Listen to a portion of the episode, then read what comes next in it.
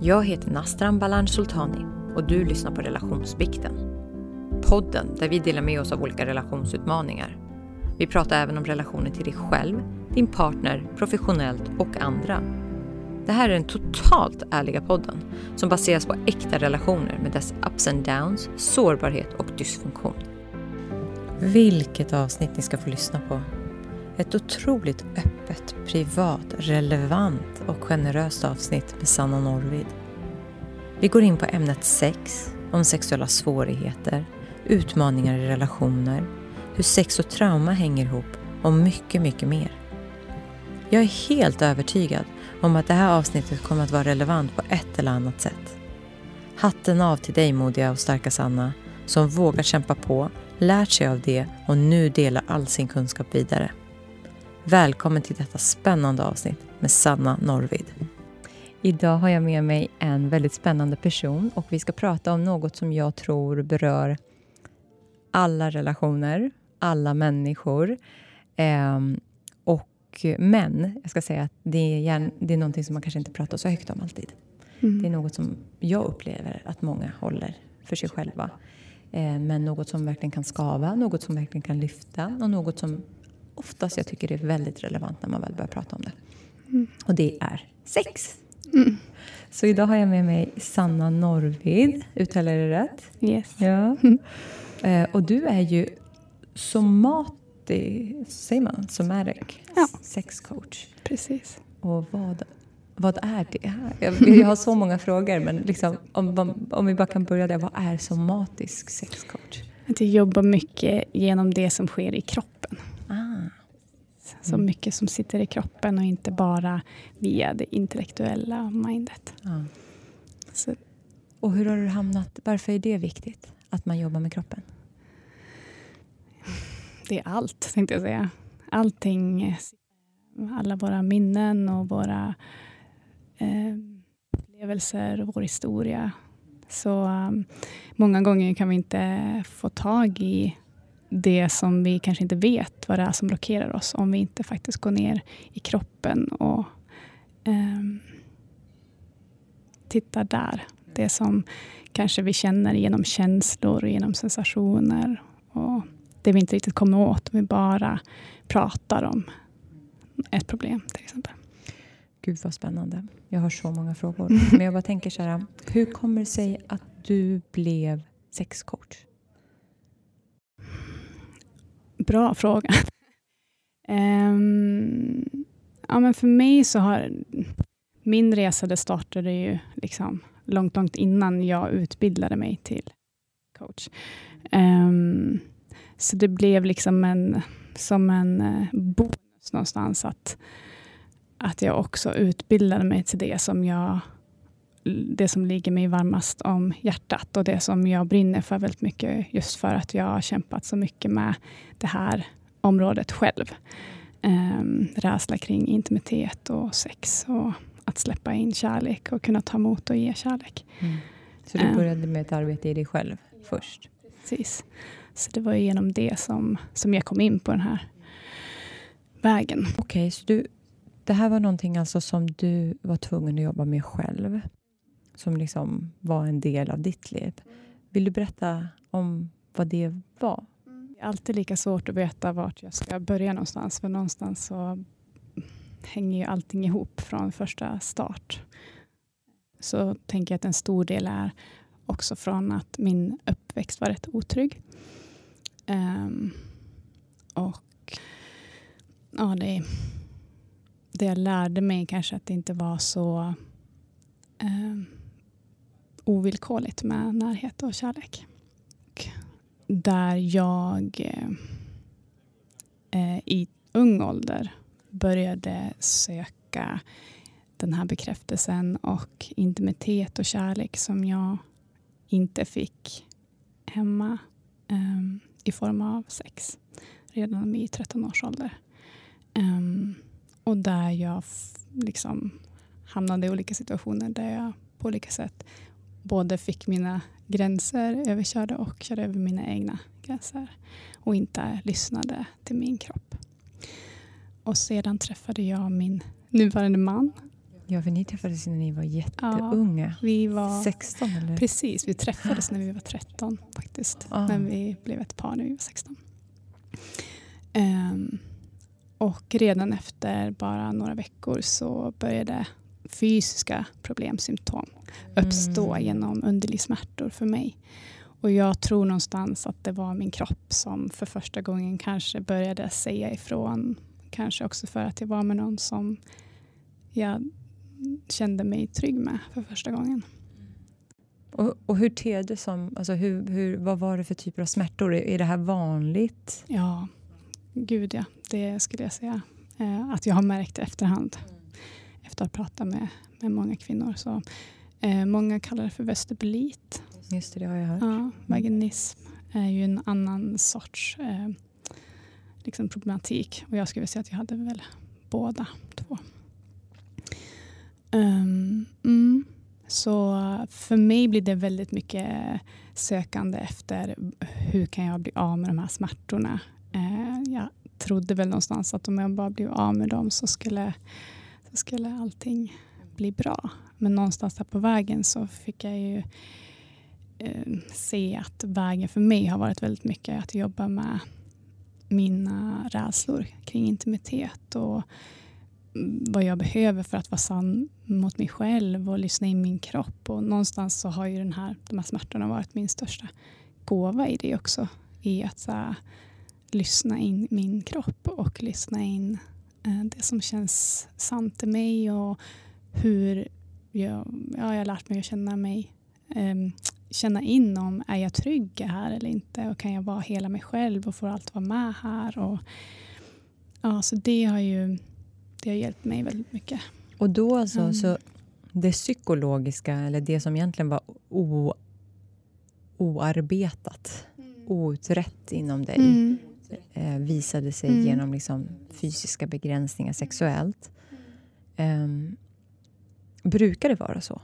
Att det liksom beror på det? Eller finns det liksom någon annan medicinsk anledning till varför man kan ha just dem? Alltså jag, jag tror att om du frågar mig, vilket mm. du gör, så skulle jag säga att de allra flesta fysiska symptom och sjukdomar har att göra med obearbetade trauman eh, obearbetade känslor som vi, inte, som vi har någonstans tryckt bort eller sprungit ifrån eller inte velat liksom, ta i och titta på. Eh, utan att liksom, skamma någon eller, eller, eller så för det.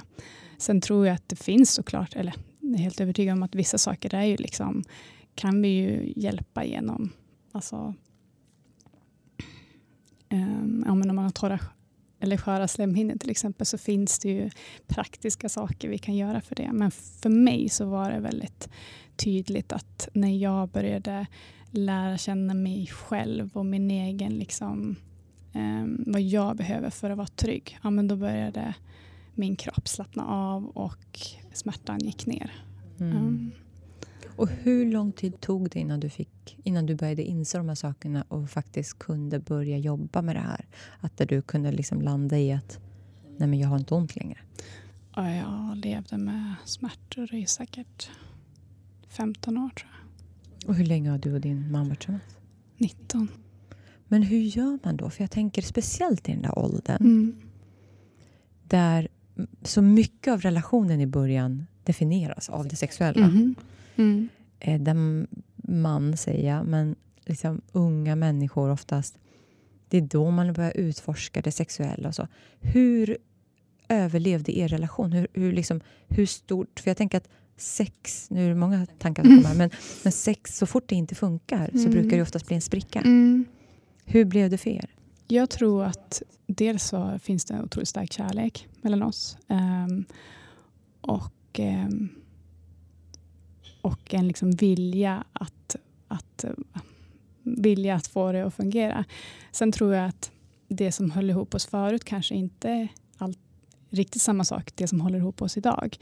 Men från början så jag behövde tryggheten som han gav mig och som jag fick av honom. Och han behövde det som jag hade som han inte hade haft. Så att många gånger, jag tror att många, vi tror ofta att vi väljer vår partner medvetet. Men jag tror att vi väljer vår partner omedvetet. Det är vårt undermedvetna som styr och det, är ungefär 95 procent av, av oss som sitter undermedvetna. Så att det är någonstans vårt, mm, våra sår och det vi har varit med oss och det som vill läkas som matchar med den andra personen. Och undermedvetet ser vi, aha, här kan jag läka det jag behöver med den här personen. Här matchar vi. Liksom. Um, så jag tror att det som höll ihop oss var kanske också just det. Um, det låter lite konstigt och svårt och jag um, har nog egentligen inte så mycket bättre svar än att uh, det var det och att vi var väldigt, väldigt kära helt enkelt. Men kunde ni prata om det? Ja, jag tror också det. Mm, tack för att du säger det. För det är nog också en sak. Vi har haft en liksom öppen kommunikation hela mer eller mindre, mer och mer. Um, men vi har liksom pratat om det från första stund. Att det inte, för att det har varit en sån stor frustration och liksom sorg såklart. Mm. Väldigt privata mm. frågor, men jag tänker så här, var det som så att du hade ont varje gång? Ja, men stort sett. Men då, måste, då tänker jag så här personligen, för jag hade liksom, kom ihåg efter graviditeten och så, mm. där man är väldigt torr när man ammar, så det är inte så kul att ha Nej. Liksom, Nej. sex då. Um, och det gjorde ju att jag, jag, jag skapade, det blir ju liksom en mm. rädsla mm. i kroppen. Ja. Um, och jag tänker, hur, hur vill man ens ha sex då, när man vet att det gör mm. ont? Nej, det vill jag ju inte till slut. Nej. Jag, hela jag drog mig ju liksom öronen åt mig så fort det började närma sig mm. intimitet. Um, och det är ju mycket det också som jag har fått uh, jobba på. Att så här, våga, våga stanna kvar när det börjar byggas upp upphetsning i min kropp. Och jag börjar märka att han är uh, liksom sugen på att vara nära. Um, för Förut så har jag bara liksom um, stängt av eller gått därifrån eller liksom skyllt på att jag behöver sova. Eller för att det, det var helt enkelt liksom för jobbigt att möta de känslorna som kom med att känna att jag kan fortfarande inte. Så många gånger var det inte smärtan i sig, den fysiska smärtan som var det jobbigaste, utan det var mer eh, känslorna som kom med att känna smärtan. Att jag kände mig misslyckad, och jag kände mig liksom dålig. Och, mm inte kvinnlig. Ja men precis. Och ska det aldrig bli bra? Kommer det alltid vara så här? Vad är det för mening? Ja, men det är jättemycket liksom, ehm, svåra utmanande känslor och tankar som kommer kring det. Och jag tänker också att det blir liksom ringa på vattnet när det kommer till den fysiska intimiteten av att ens ta en kram. Mm. För rädslan av att en kram kan leda till någonting annat. Mm. Eller jag vet inte om ni hade det så, men jag vet mm. att när liksom, jag har pratat med andra och liksom, själv liksom har, har, varit i perioder där jag har känt att nej men jag vill inte just nu. Mm. Då har jag liksom tagit avstånd, om man nu inte vågar prata om det. Om man inte mm. har den öppna relation eller öppna kommunikationen. Att liksom, jag började begränsa tidigare. Ja. Det var så nej men jag vill inte vara fysisk alls. Liksom. För jag vill inte bjuda in till någonting jag måste neka till. Ja, precis. Och att det svåra har ju blivit, och det här ser jag hos så många par som jag jobbar med också, att um, att när jag um, vad man säger, behöver möta mina största rädslor. Och det nämnde jag inte förut, men jag har också varit med om sexuella övergrepp. Um, så det finns trauman i det. Mm. Ja, men det finns trauman i det sexuella, men också kring liksom, kärlek och närhet liksom, i föräldrar-barn-relation. Eh, um, det har ju också gjort att när vi ska till intimitet och närhet så väcks alla de här känslorna, alltså ren och skär panik i kroppen.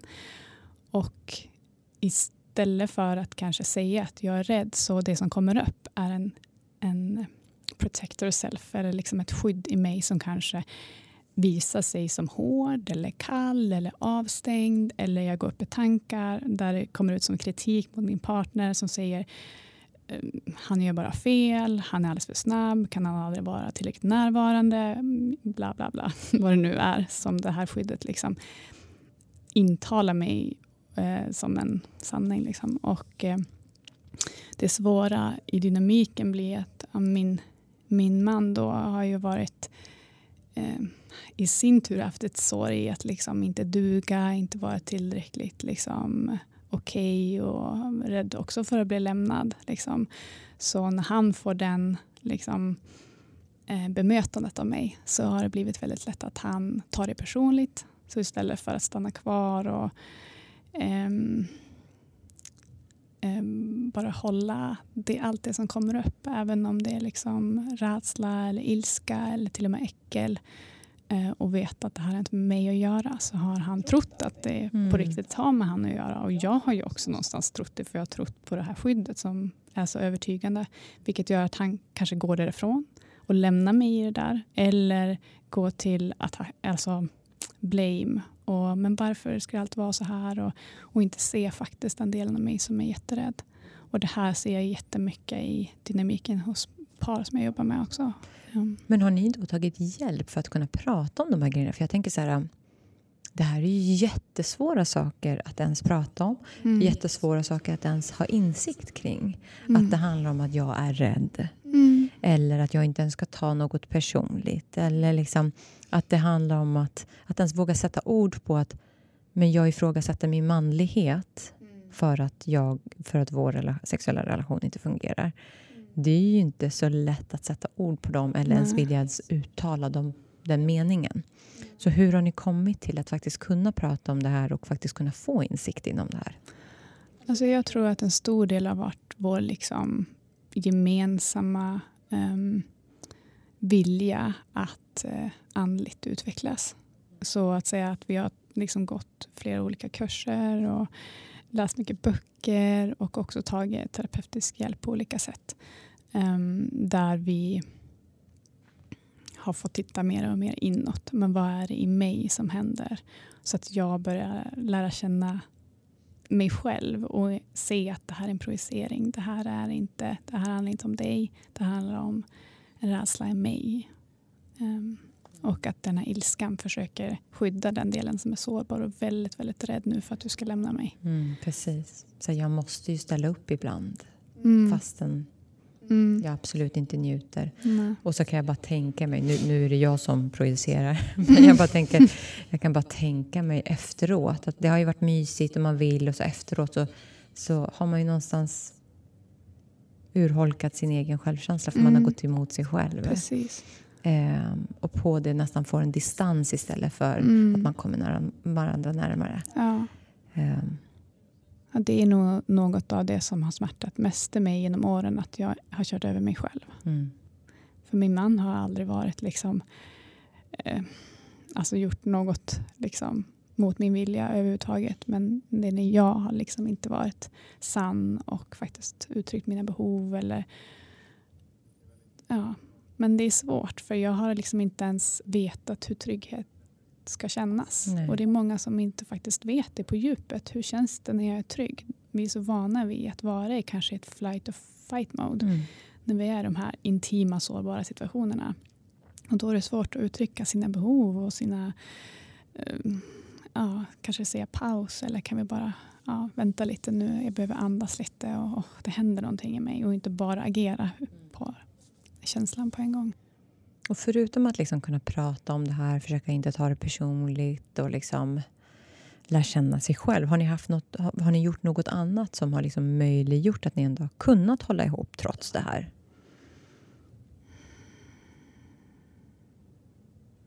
Jag tänker ni träffas när ni är 16. Mm. Det är era he hela er ungdom.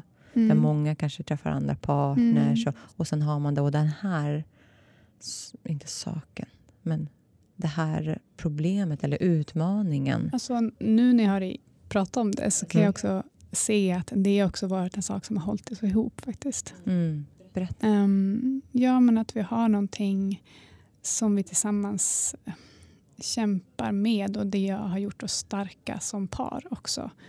Att uh, vi har verkligen haft det tufft liksom. Um, och det gör ju att vi på något vis får se alla våra sidor Um, och det svetsade svetsaren samman. Så jag tror att det är mycket det som också har gjort att vi har hållit ihop så pass länge, i alla fall förut. Eh, hade det inte funnits som problem i vår relation då kanske vi inte faktiskt hade stannat. Nej, för då kanske inte ni hade tvingat att lära er att kommunicera med varandra, att vara sårbara, att kunna vara ärliga, att kunna se vad som är era egna olika delar mm, i det. Precis, och jag hade förmodligen fortsatt med mitt eh, liksom spår av att köra över mig själv och inte känna in vad som känns sant för mig. Och, så, ja. Gud vad spännande. mm. Och, och vad var liksom, vad var det, hur hittade du en lösning? Vad var det som hände? Liksom, eller vart? Alltså det är ju flera olika delar som liksom har byggts på fram till där jag är idag. Men jag tror att en stor, en stor, en stor pusselbit har ju varit um, ja, men dels min utbildning, tvååriga sex, love and relationship coach-utbildning som jag gick. Och den är, är ju väldigt djupgående vilket gjorde att jag fick själv jobba otroligt mycket med mig själv. Alltså du hade fortfarande problem och ont när du påbörjade den utbildningen?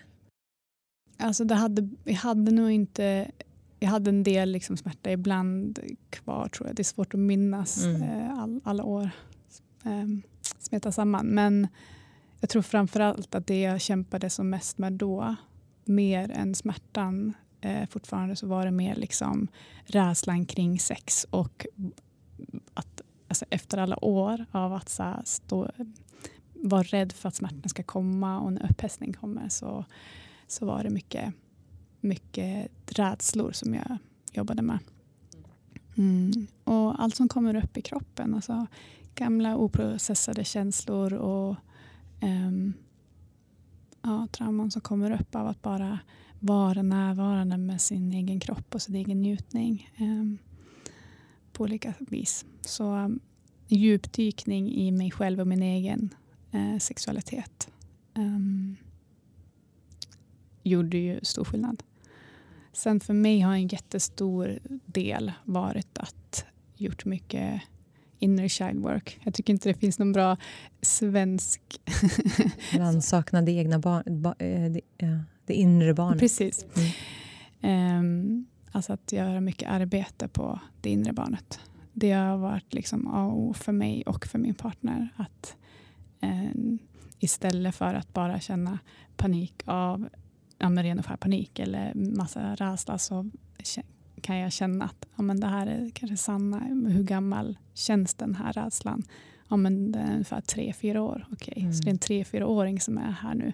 Kanske inte så konstigt att jag inte vill ha sex just nu. Mm, Utan att det är en som är väldigt rädd för att släppa in och vara nära eller rädd för att bli lämnad. Okej, okay, då är det det vi behöver vara med och vara närvarande med innan vi överhuvudtaget liksom går till något sexuellt. Så det har varit en jättestor bit. Så när du har jobbat med de här grejerna, var det som att det successivt då blev bättre? Ja.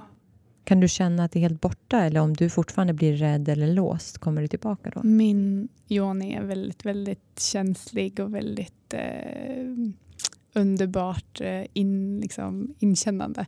Så att eh, absolut, om jag skulle bara um, jag skulle aldrig göra det idag för att jag har så mycket kärlek till henne och till mig själv idag. Eh, men om jag bara skulle köra på och köra över henne så är jag helt övertygad om att hon skulle eh, visa mig det och säga ifrån. Oh, vad intressant. Liksom jag tänker så här. Nu jobbar ju du som coach mm. med andra. Är det främst kvinnor du jobbar med? Främst kvinnor men också par. Mm. Mm. Vad är de vanligaste utmaningarna? De vanligaste utmaningarna är egentligen det jag sa för en stund sedan. Att många kvinnor som kommer till mig har rädslor kring intimitet eh, och kring sex. Alla har inte smärtor. Vissa känner bara liksom sig avstängd eller att de inte har lust eller bara rädsla och de vet inte varför. Det är bara läskigt och de har liksom stängt av den biten och de vet inte varför. När de, när de går vidare till, eller när de kommer nära att ha sex med sin partner så kanske de blir helt liksom supertrött från ingenstans och bara somnar. Så här, och liksom, det undermedvetna, undermedvetna precis. Mm. Eller blir jätterädd. Eller liksom arg eller äcklad. Eller ja, alla möjliga olika liksom, utmanande svåra känslor som kommer upp. Um, och att då inte riktigt bli mött i det och förstådd av sin partner som precis det jag sa innan, antingen går liksom till någon slags attack genom att um, blamea, ta det personligt eller gå därifrån helt enkelt. Och de här mönstren får aldrig, eller de här såren och trauman får aldrig riktigt läka. Vilket eh, kan göra så vackert i en relation med någon. För det är något jag också tror, liksom, att har vi relationella trauman så behöver de läka i relation med andra. Um, så det, det är väldigt viktigt att vi lär oss att vi vågar titta inåt så att vi kan våga stå kvar med den andra, vad som än dyker upp i, i den personen. Att jag kan hålla mina små rädda liksom, delar så pass väl att jag kan även hålla dig när du är i det liksom svåraste i dig. Och samtidigt göra det och fortfarande vara öppen och kärleksfull. Mm. Det är otroligt svårt. Mm. Ja, ja. Det här är det svåraste vi kan göra. Ja. Det är mm. det verkligen. Och hur jobbar du då? Om någon kommer till dig och säger så här, jag känner ingen lust längre. Mm. Det kan ju vara längre också. Mm. För förut fanns det lust när det var enkelt och nu har vi varit tillsammans flera år eller jobbar mycket så jag hinner aldrig komma liksom ner i varv eller vi har små barn eller vad det nu kan vara. Hur liksom jobbar du med dem? Så jag jobbar i coachingpaket, så vi, mm, eller ett program kan man säga. Och då träffas vi under fyra månader, åtta sessioner.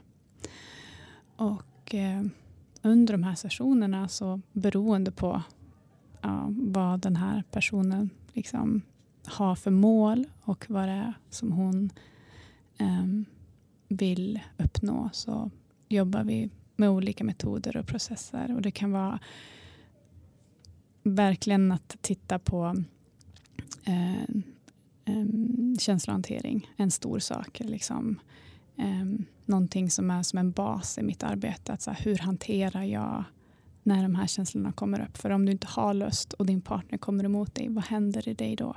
Vad är det för känsla som du kanske inte vågar stanna kvar och känna? Och hur ska du kunna göra det? Uh, hur ska du våga stanna kvar om du inte har några verktyg? Så jag, jag jobbar mycket med att ge verktyg till att så här, våga stanna kvar, kanske sätta ord på sensationerna som kommer med den här känslan, och kunna kommunicera det. Um, också att så här, bygga en trygg bas, både i dem själva genom det här men också i relationen. Um, så tittar vi mycket på liksom inre, inre, eh, det inre barnet och de här delarna, olika delarna som kommer upp i de här situationerna och lyssna på dem. Många gånger så eh, vi tror att det är mm, liksom mycket tankar och känslor men om man stannar upp och går in, jag kanske guidar den personen in i hur en sån här situation skulle kunna vara. Och hon får förklara hur den ser ut och vad hon känner. Hon får liksom gå in i sig själv och visualisera och berätta för mig. Och jag frågar, okej, okay, men vad är det du känner? Ja, men jag känner rädsla. Okej, okay, vart? Vart i kroppen sitter rädslan? Ja, men den sitter i bröstet. Okej, okay, hur känns det där bröstet? Ja, men det känns, det känns som ett jättestort tryck som, jag, som håller på att explodera. Okej, och så går vi lite djupare in i där, i det, i den sensationen. Och helt enkelt frågar den här rädslan, det här trycket, vad den behöver, vad den vill säga. Många gånger är det liksom om jag är rädd för att uh, jag är rädd för att bli överkörd, det är ingen som hör mig, det är ingen som lyssnar på mig. Jag är rädd för att bli, inte vara älskad, bli lämnad. Det är ofta det kokar ner till. Och vad gör man då, då när man får svar på de här sakerna? Um, det vi behöver lära oss är hur kan jag ge den här delen det som den behöver. Um, och det är att så, praktisera självkärlek. Hur kan jag um, ge den här delen det? Så den behöver att bli hörd och sedd. Okej, okay, det är jag som behöver höra och se den. Min partner kan också göra det. Men den, den person som är allra viktigast för den här delen, som är rädd i mig, som kanske är fyra år till exempel. Från ett trauma som inte har blivit liksom, uh, bearbetat. Um, det är, den, det är du liksom som är den viktigaste personen. Och att kunna vara där, bara att du är där närvarande. Kanske lägger en hand där du känner den här, det här trycket. Och bara säger jag hör dig, jag finns här. Liksom. Det, är, det i sig är ett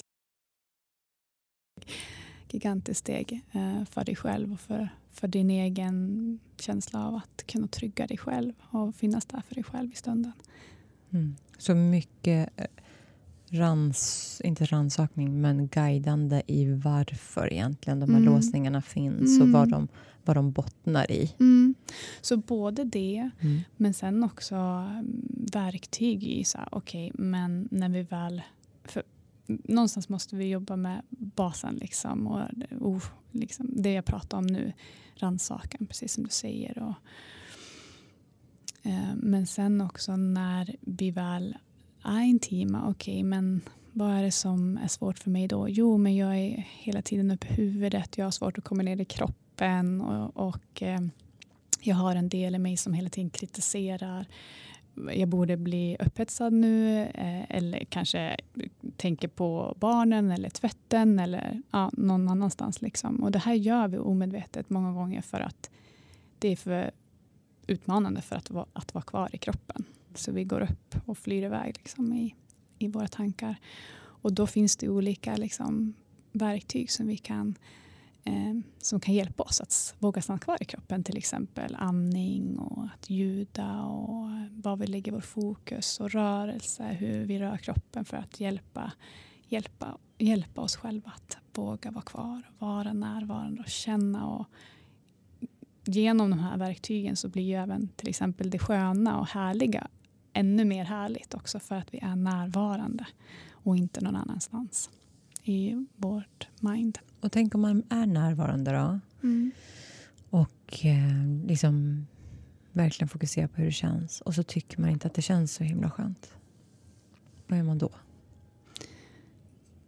Då, då säger vi det. Ja, men någonstans behöver vi kommunicera med vår partner. Mm. För han eller hon kan ju inte vara tankeläsare och veta Nej. vad, exakt hur jag vill ha det. Och det är där också som en liksom self-pleasure practice kommer in också som en så viktig del i vårt utforskande av vår egen sexualitet. Att så lära känna oss själva. Vad vill jag? Vad tycker jag om? Vad är skönt? Och hur vill jag ha det? Att utforska mig själv är en viktig del för att sen kunna eh, berätta för vår partner att men du, om du gör lite mer sådär eller prova sakta ner lite grann eller pausa där. Eller. jag tänker om man tittar på, om man nu tittar på porrfilmer, men, men alltså om liksom det här klassiska att eh, eh,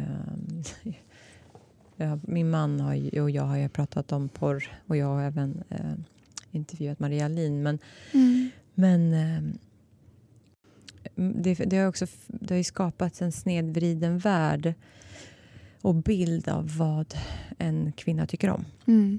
Mm. När mycket av sexualundervisningen är porrfilmer. Mm. Mm. Men jag tänker liksom från ditt perspektiv, och liksom, kan, sån, kan porrfilmer, erotiska noveller, kan eh, sexleksaker, är det liksom behjälpligt eller tycker du att det kan skada? Eller hur ser du på det? Jag tror absolut att det kan vara behjälpligt om det är där du befinner dig. Um, om du kommer till mig och är, liksom, har stora rädslor kring att överhuvudtaget vara intim med din partner så kanske det inte är det första steget att ta fram en liksom, sexleksaker och kolla porrfilm utan då är det, då är det viktigast att bygga upp trygghet i er relation. Um, och i ditt, din relation till dig själv och till din kropp. Um, men annars så finns det liksom inget rätt eller fel riktigt. Utan så här, men sexleksaker kan absolut vara jätte, mm. jättefint och jättebra. Mm. Om, om du är där. Liksom. Um, finns det några som du skulle rekommendera mer eller mindre?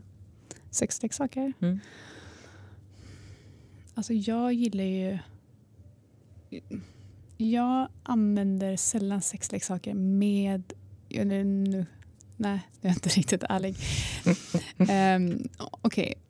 om jag tänker på i min egen, när jag har liksom, när jag är mig självnjutning. Då gillar jag väldigt mycket alltså, jobba med ett um, litet ägg som kallas för yoni-ägg. Eh, det tycker jag är skönt. att så här, Det kan både vara skönt men också eh, terapeutiskt på det viset eller liksom relations eh, positivt till din egen kropp för du kommer mer i kontakt med din yoni och med ditt bäcken och dina muskler och så. Um, Men också um, stavar och dildo som är av sten eller glas. Det tycker jag är väldigt Mhm. nice. För Jag tänker att det blir hårt och kallt. Men... Ja, men det kan man tro. Men de Ja. blir varma av kroppen. Mm. Och det är någonting som är väldigt vackert med det tycker jag. Så här kraftfullt. Jag har en stav som är gjord av eh, månsten. Som är väldigt, väldigt vacker. Och det är liksom som en fin, fin attiralj i, i mitt rum också. Ehm, och det, just för att den har en tyngd gör att den också blir, blir skön. Ehm, så. Hur viktigt är det att kunna ge sig själv njutning i det hela? Jag tycker det är väldigt viktigt framförallt för att det visar på att du är i kontakt med dig själv. Ehm, men utan att, när vi säger att så här, det är viktigt att kunna ge sig själv njutning så blir det lätt en känsla av press i det. Ehm, jag tror mer på att hur väl kan jag vara den älskaren eller älskarinnan som Mm. jag vill att min partner ska vara Mm. även för mig själv. Mm. För om jag själv inte tar på mig själv så närvarande och så liksom skönt som jag vill att han eller hon ska göra. Hur kan jag då kräva det av min partner?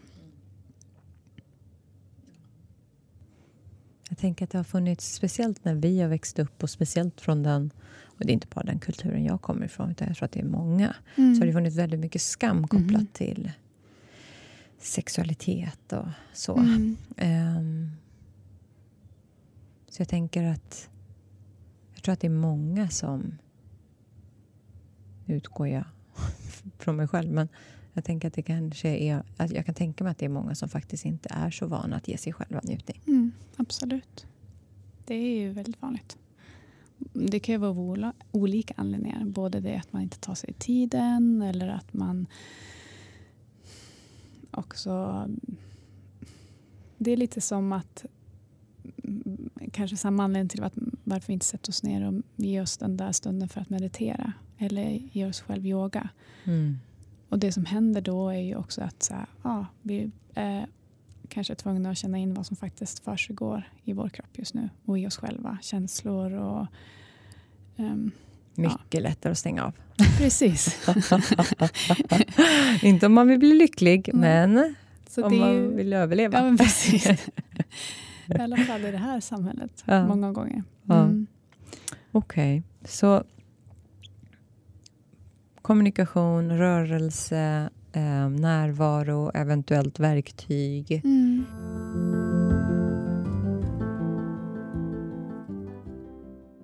Jag vet att jag tittade på en, en fantastisk fin och varm film som du har på din hemsida där du Mm. berättar lite. Mm. Då pratar du också om tantra och transformational coaching. Är det liksom hela det här, men jag tänker just tantradelen, hur kommer den in i det arbetet? Alltså tantradelen är ju just väldigt mycket kring delar ut som hjälper dig att vara närvarande i det som är levande här och nu i dig. Det är det mycket tantra handlar om. Så många har en bild av att tantra handlar bara om sex. Men så är det inte. Okej. Utan- Nej, jag tänker på, vad hette Sting och hans fru?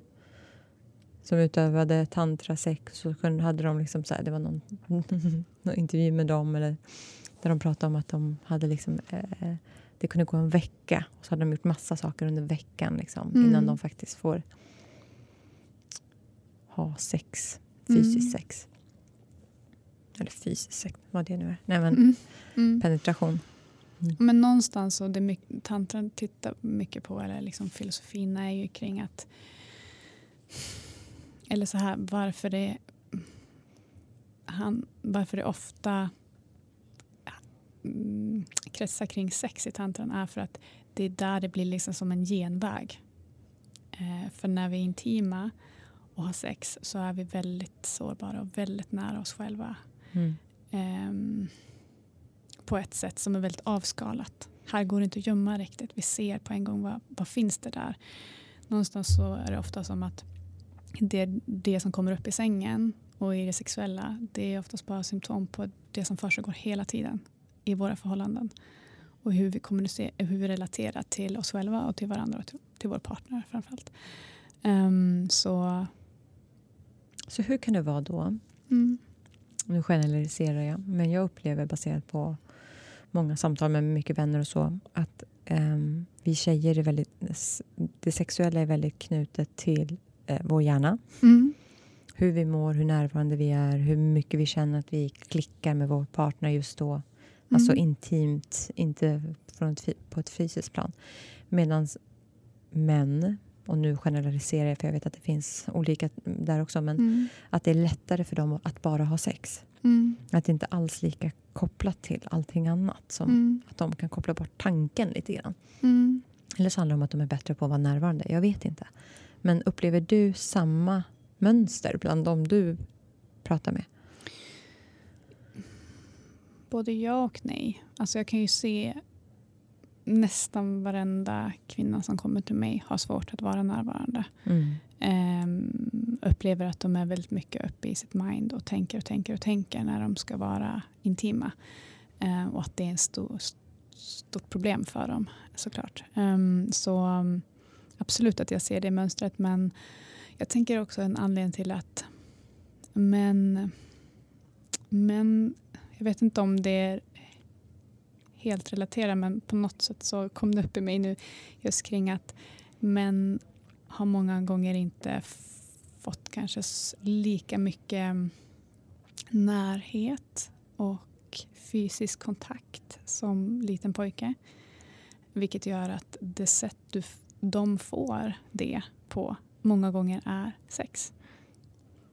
Så det, de, sex är den fysiska närheten för dem. Ja, och att många gånger så är det nog så för väldigt många män att det är egentligen närheten och bekräftelsen de också vill ha.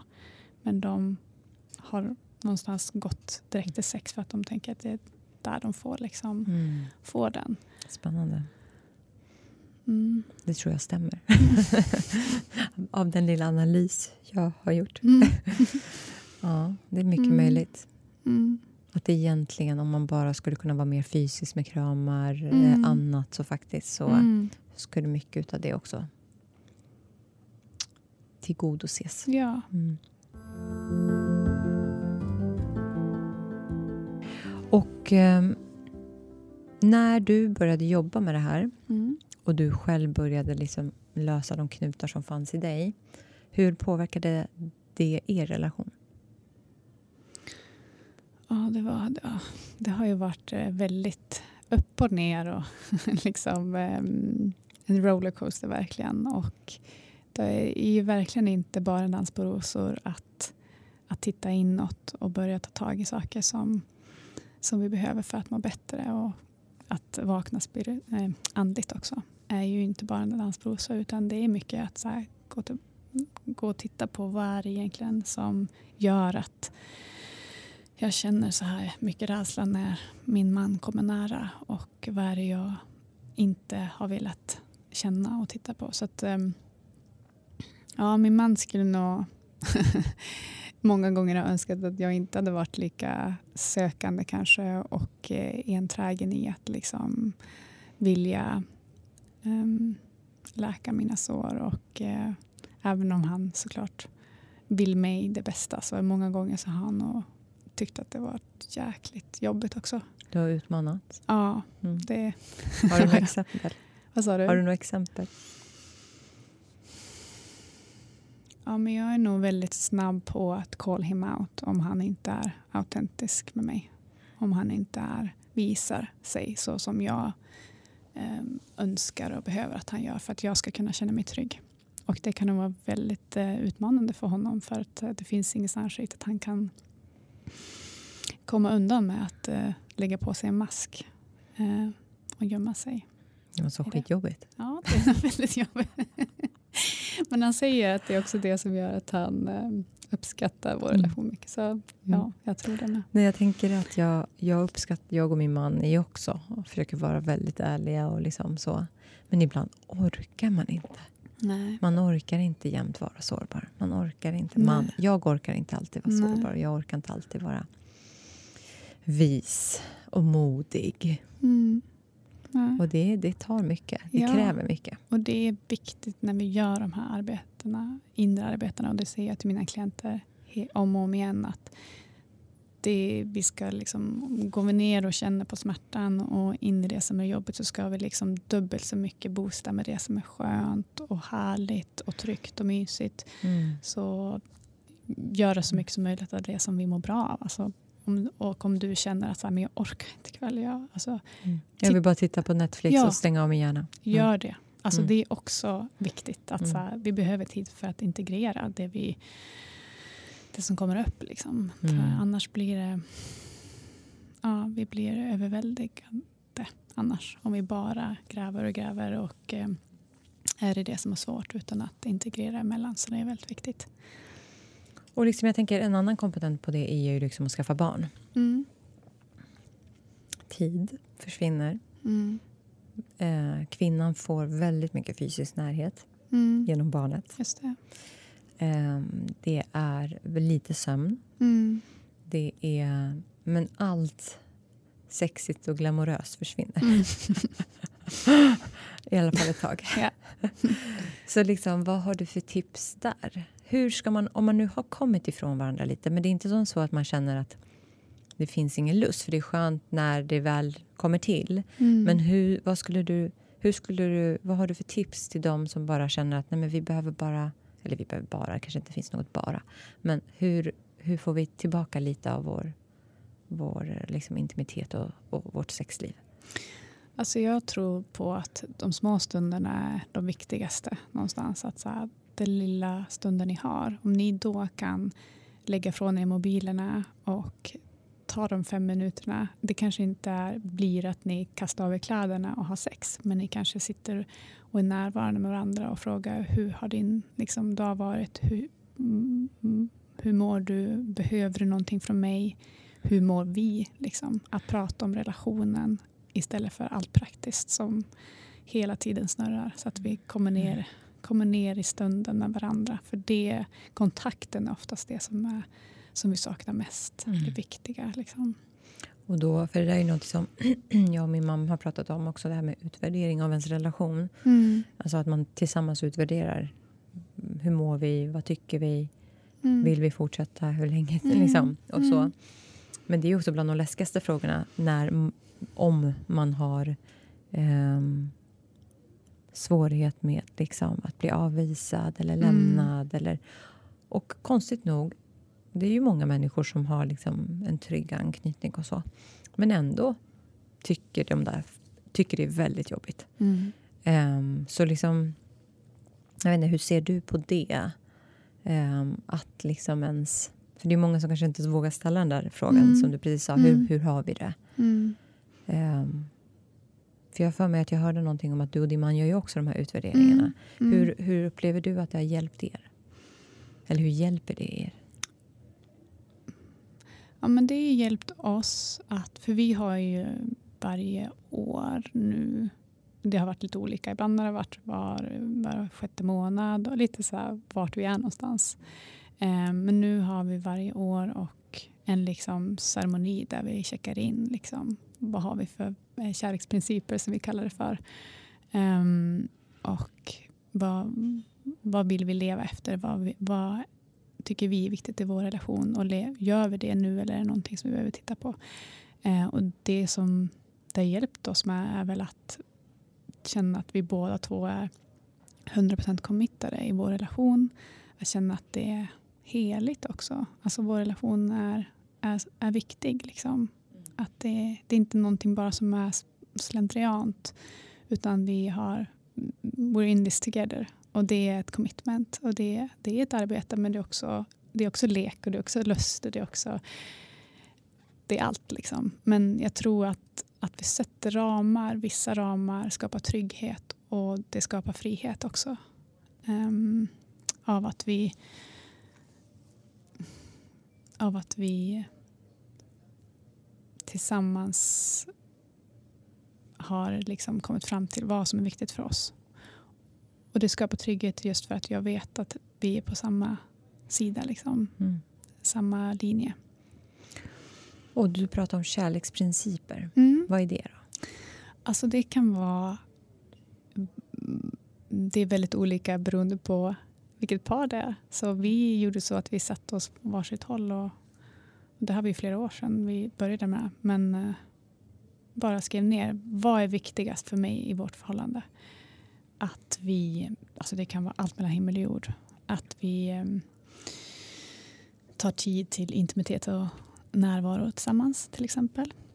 Att vi, och det kan vara så väldigt konkreta saker, att vi inte bråkar på kvällen eller att vi inte tar jobb i svåra samtal sent på kvällen eller att vi inte bråkar om pengar har vi till exempel för det är en sån här känslig grej att, um, för oss som är så här, kan ha varit en väldigt uh, ja, ett ämne som är väldigt liksom mm, svårt att prata om utan att det har blivit konflikt. Så, för att ni ser på ekonomi väldigt olika? Ja, eller? Ja. Mm. ja men i så korta drag ja. Mm. Um, och, um, men också för att det finns rädslor i bilden såklart. Hos i alla fall liksom den ena parten. Att så här, det finns rädslor kring att så här, hur ska vi klara oss typ. Och den andra är så här, ja men det är lugnt. Mm. Och det är klart att det har blivit liksom, konflikter i det. Um, så det kan vara allt med, från det till liksom, ja, men hur vi vill leva våra liv med, med hur vi tar hand om våra kroppar och vårt hem. och eh, vad vi äter. Och, alltså man, man, kan ju göra precis som vi vill. Um, och sen så har vi slagit ihop våra kärleksprinciper och satt dem på en, gjort en tavla av det som vi har hemma. Mm, vad fint. Mm. Och är det så att principerna ändras varje år? Utvärderar ni dem? Eh, ja, alltså det är väldigt intressant att se att det vi tyckte var otroligt viktigt för några år sedan eh, håller vi inte riktigt med om längre. Men eh, ja, men vissa står kvar där hela tiden. Mm. mm. Ja, det är klart. För jag tänker att vissa saker kanske står där för att det i sig är trauma och sen så när man inte har det längre mm. så kommer inte den vara viktig. Nej. Eller så dyker det upp annat. Mm. mm. Mm. Jag och min man när vi gick i gemensam terapi så bad vår terapeut oss att skriva eh, ett brev till den andra om vad vi beundrar med den. Mm. Eh, och de ville min man sätta upp. Och jag skäms så mycket över att de har sitter... Nej, det gör jag inte. Det var en överdrift. Men jag var verkligen så här, varför ska vi sätta upp dem på väggen? Mm. Och han bara, jo men alla ska ju kunna se. Och jag bara, men det, det är jättekonstigt. Mm. Det är som att vi bara liksom, håsar upp varandra. varför ska det vara där? Um, och det finns något fint i det, men jag kanske skulle flytta dem till sovrummet. Mm. och inte ha dem i vardagsrummet som han har dem. Mm. Men att ha någonting också sådär um, fäst på väggen gör det också mm. till som ett starkare commitment. Mm. mm. Påminnelse, mm. liksom. Ja, ja, ett commitment. Mm. Verkligen. Mm. Ja. Och eh, jag tänker så här. Om man vill jobba med dig, för du pratade om de här coachingpaketen, då kan man alltså hitta mer information om det på sannanorvid.com. Ja. Mm. Och nu började vi helt från andra änden. där vi började dö, djupdöka in i det som var tuffast kanske. Ja. Um, kan det bli så. Ja, mm. men jag tänker så här. Du sa att du och din man träffades när ni var 13 år. Mm. 13, det är alltså väldigt ungt. Ja. Gick ni på högstadiet? Ja, vi började i samma klass i högstadiet. Ja. Mm. Och sen blev ni tillsammans när ni var 16? Ja. Hade några flingor där i också. ja. ja. Och liksom... Nu när du tittar tillbaka och ni har varit tillsammans, hur länge? 19 år. 19 år. wow. Mm. Så ni är 35 år? Ja. Mm. Titta, jag kan huvudräkning. Snabbt. Fantastiskt. uh, nej, men vad, vad tycker du har varit era framgångsnycklar? Vi har varit inne på lite utav mm. men finns det något annat som vi inte har pratat om som du känner så här, men det här har varit jätteviktigt för oss? För att vi ska vara lyckliga. Inte för att hålla ihop, för jag ser ingen mening av att vara ihop och sen så är man inte lycklig. Men för att faktiskt kunna ha en relation där man fortfarande älskar och respekterar varandra. Mm. Alltså det är flera olika liksom, ingredienser i det och en del har jag säkert redan nämnt. En sak som kommer upp är just det här att, så här,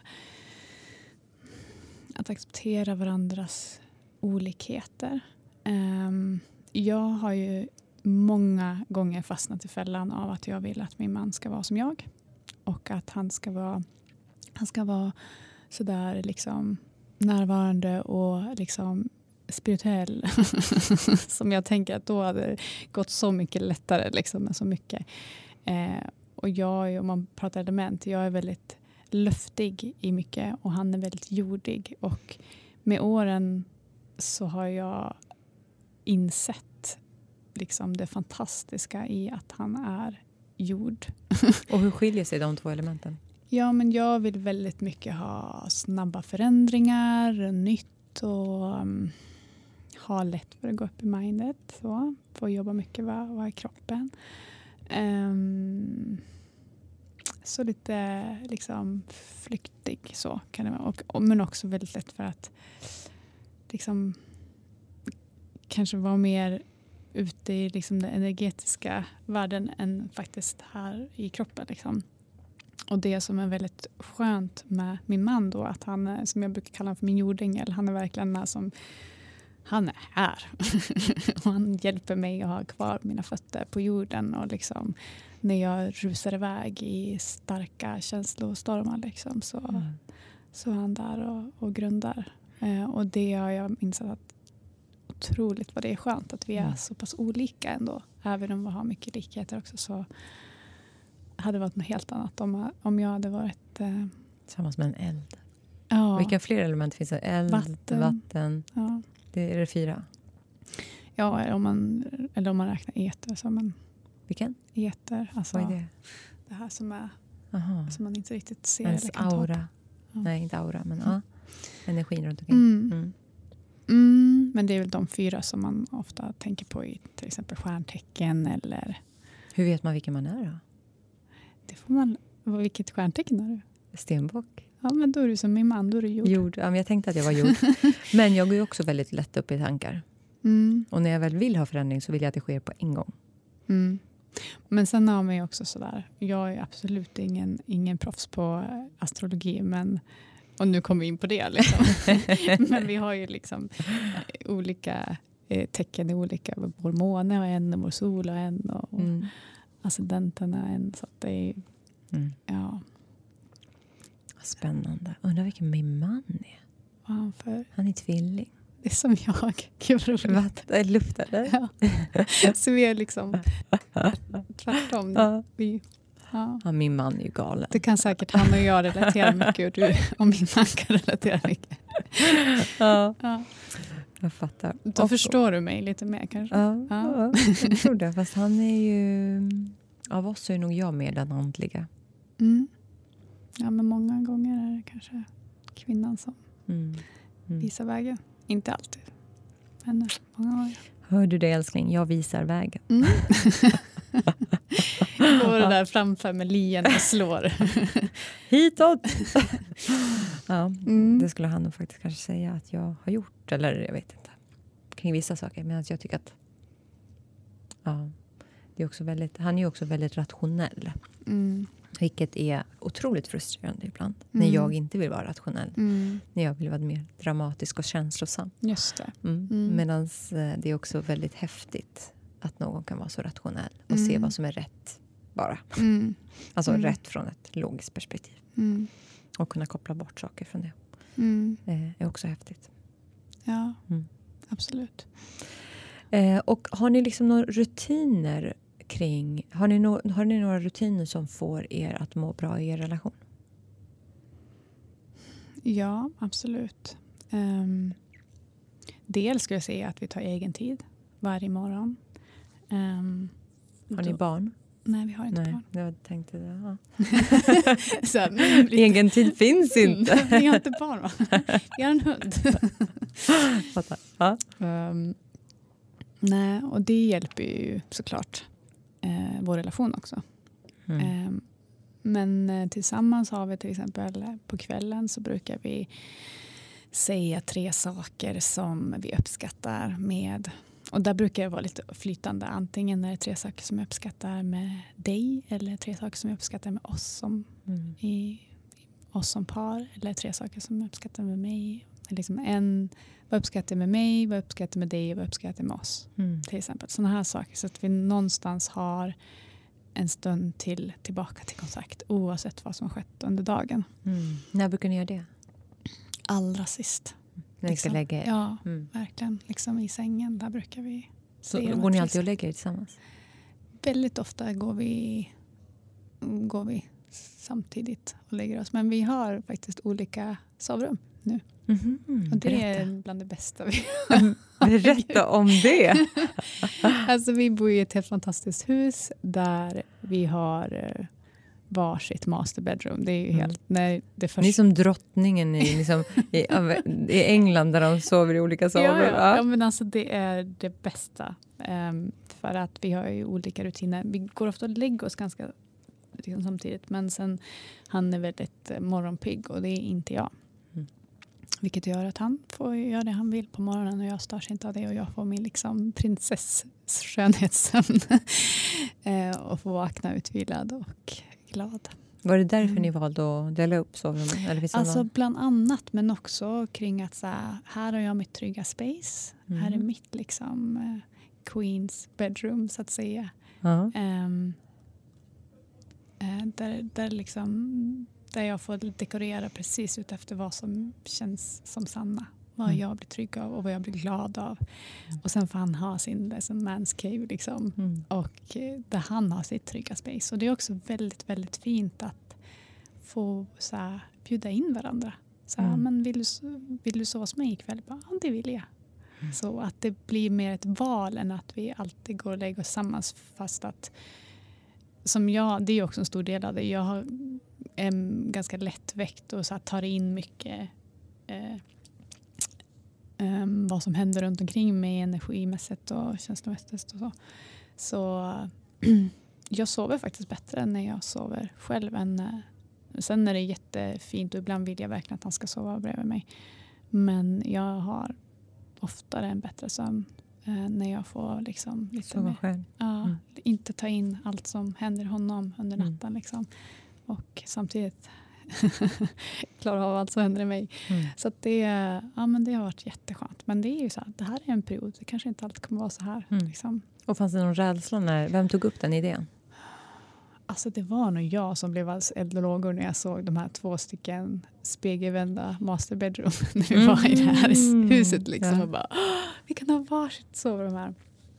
Och han tyckte att det var superbra idé på en Mm. gång. Jag har Mm. nog pratat om det länge. Att det hade nog varit optimalt Mm. att ha sitt eget rum där jag får vara helt med mig själv i det, i det jag är liksom, när jag är där. Och så kan du vara i ditt. Och sen kan vi gå lite emellan. Och, ja. Mm.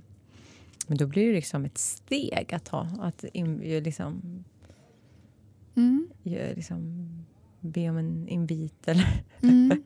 det blir också liksom något som är lite utlämnande. Mm. Men Mm. då förutsätter jag att man känner sig trygg verkligen. Mm, ja. Det kan nog vara utlämnande ifall att det inte finns den tryggheten om frågar om vill du sova hos mig ikväll och så Mm. att nej men då får vi också Prata om det och jobba med det. ja Mm. och en möjlighet att vara med det som kommer upp i mig. Mm, precis. Mm. Mm. Vilken fin rutin om, av att liksom faktiskt säga vad man är tacksam eller Mm. vad man uppskattar hos Mm. den andra. Mm. Eh, eller av, om sin relation eller vad man uppskattar hos sig själv.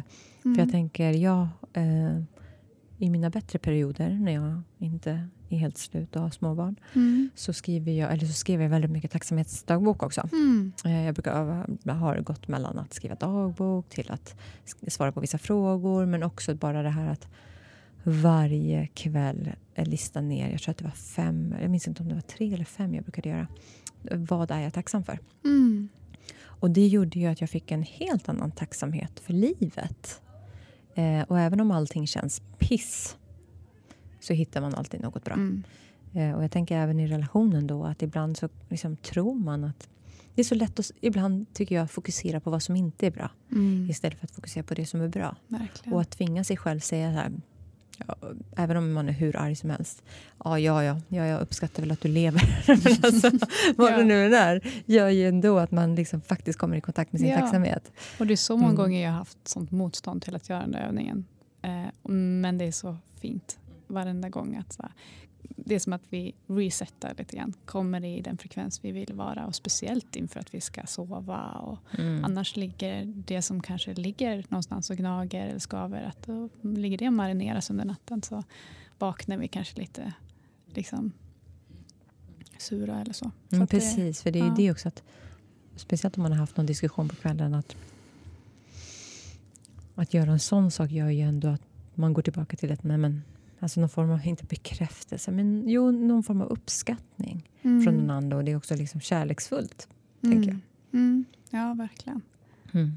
Mm. Har ni några mer rutiner? Alltså vi skapar ju tid för intimitet. För det är ju något som i och med våra svårigheter så har ju vi liksom det finns ju delar i mig som skulle kunna vara utan, alltså en Mm. del av mig skulle kunna vara utan sex forever för att det är så jobb, den liksom, det finns, det kommer upp saker med det intima och det sexuella eh, som är väldigt jobbigt att känna och vara med. Vilket gör att ehm, det, finns, det, finns, det kan finnas mycket motstånd liksom, kring det. Eh, så för oss så funkar det bra att ha liksom, att, att, att liksom bestämma att nu tar vi tid för intimitet. Mm. Eh, och det behöver inte vara nu ska vi ha sex. Utan vi har tid för att vara nära bara. Och det kan liksom vara att vi sitter och, och liksom bara är närvarande med varandra. Och, eller att vi ger varandra massage. Eller liksom, men bara att vi tar den tiden för annars kan det vara så lätt att ah, men ska vi titta på en film? Eller liksom, vilket inte är något fel med det men det kan lätt bli att då blir kanske det varje kväll istället för att faktiskt ta den där tiden som leder till det, det vi egentligen längtar efter. Um, mm. Mm. Så ta tid för intimitet. Mm. Och sen är det också så här, lära känna, lära känna sig själv och varandra. När är en bra tid för intimitet? För för mig är det inte på kvällen. Nej, okej. Eh, liksom precis innan vi ska sova.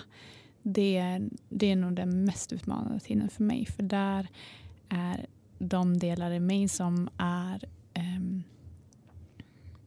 rädda och liksom har lättare till att känna ångest. Eller ja, men, min lilla flicka är som mest aktiv på kvällen.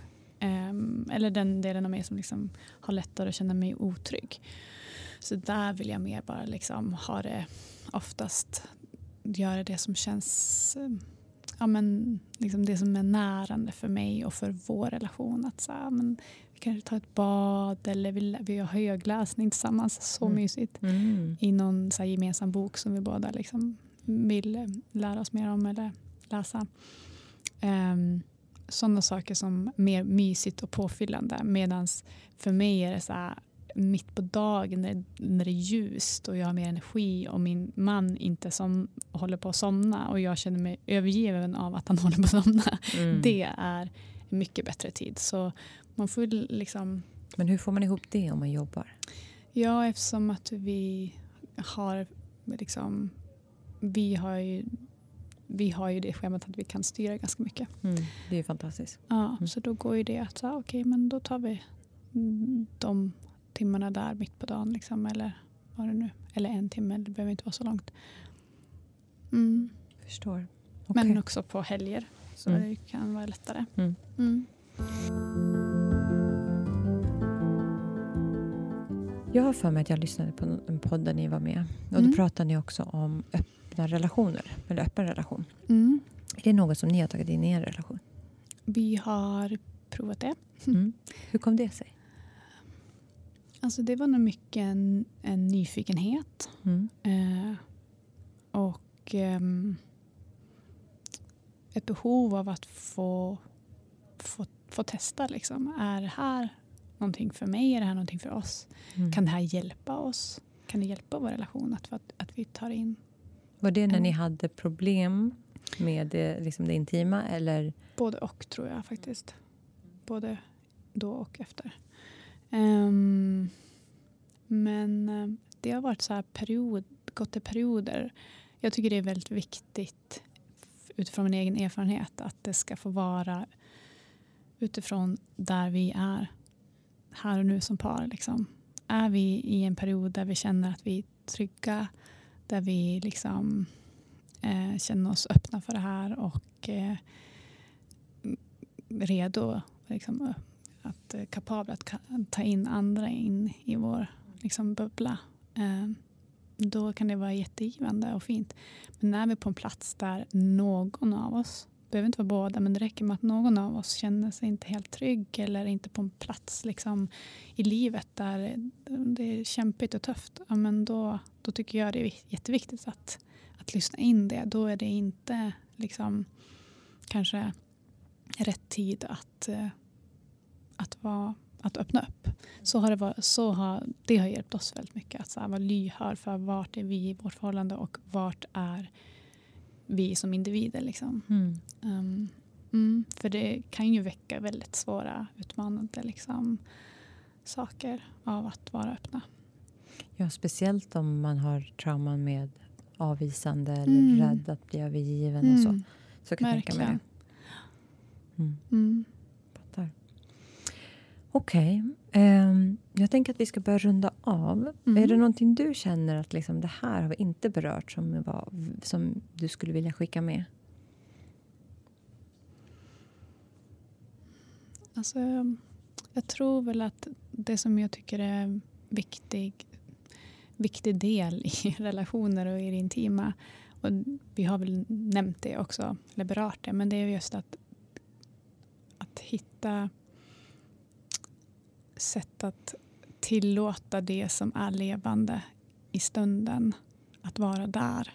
För många gånger så har vi kanske en bild av att ikväll ska vi ha den här härliga, sexiga, fantastiska kvällen tillsammans. Och sen så är jag supertrött och ledsen och kanske ja, det har hänt någonting på jobbet eller det har hänt någonting med min mamma eller jag, bara, jag vet inte varför, jag bara mår inte så bra. Liksom. Och att och att vara med det.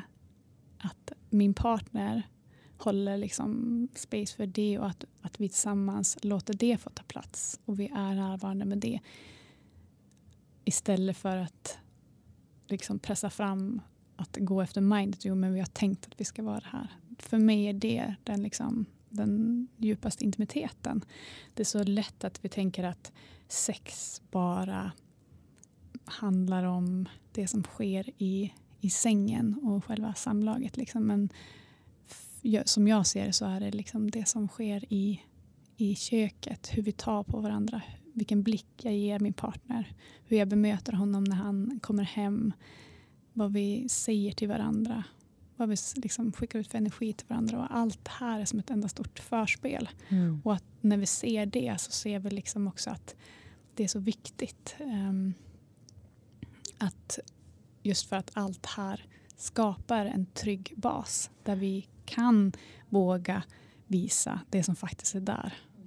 Om det nu är sorg eller ilska, även fast vi nu skulle ha den här härliga äntligen liksom sexkvällen när vi har fått barnvakt eller vad det nu är. Liksom, och vi har inte haft det på länge men det är det här som är levande nu och ta, ta liksom närvaro tid till det.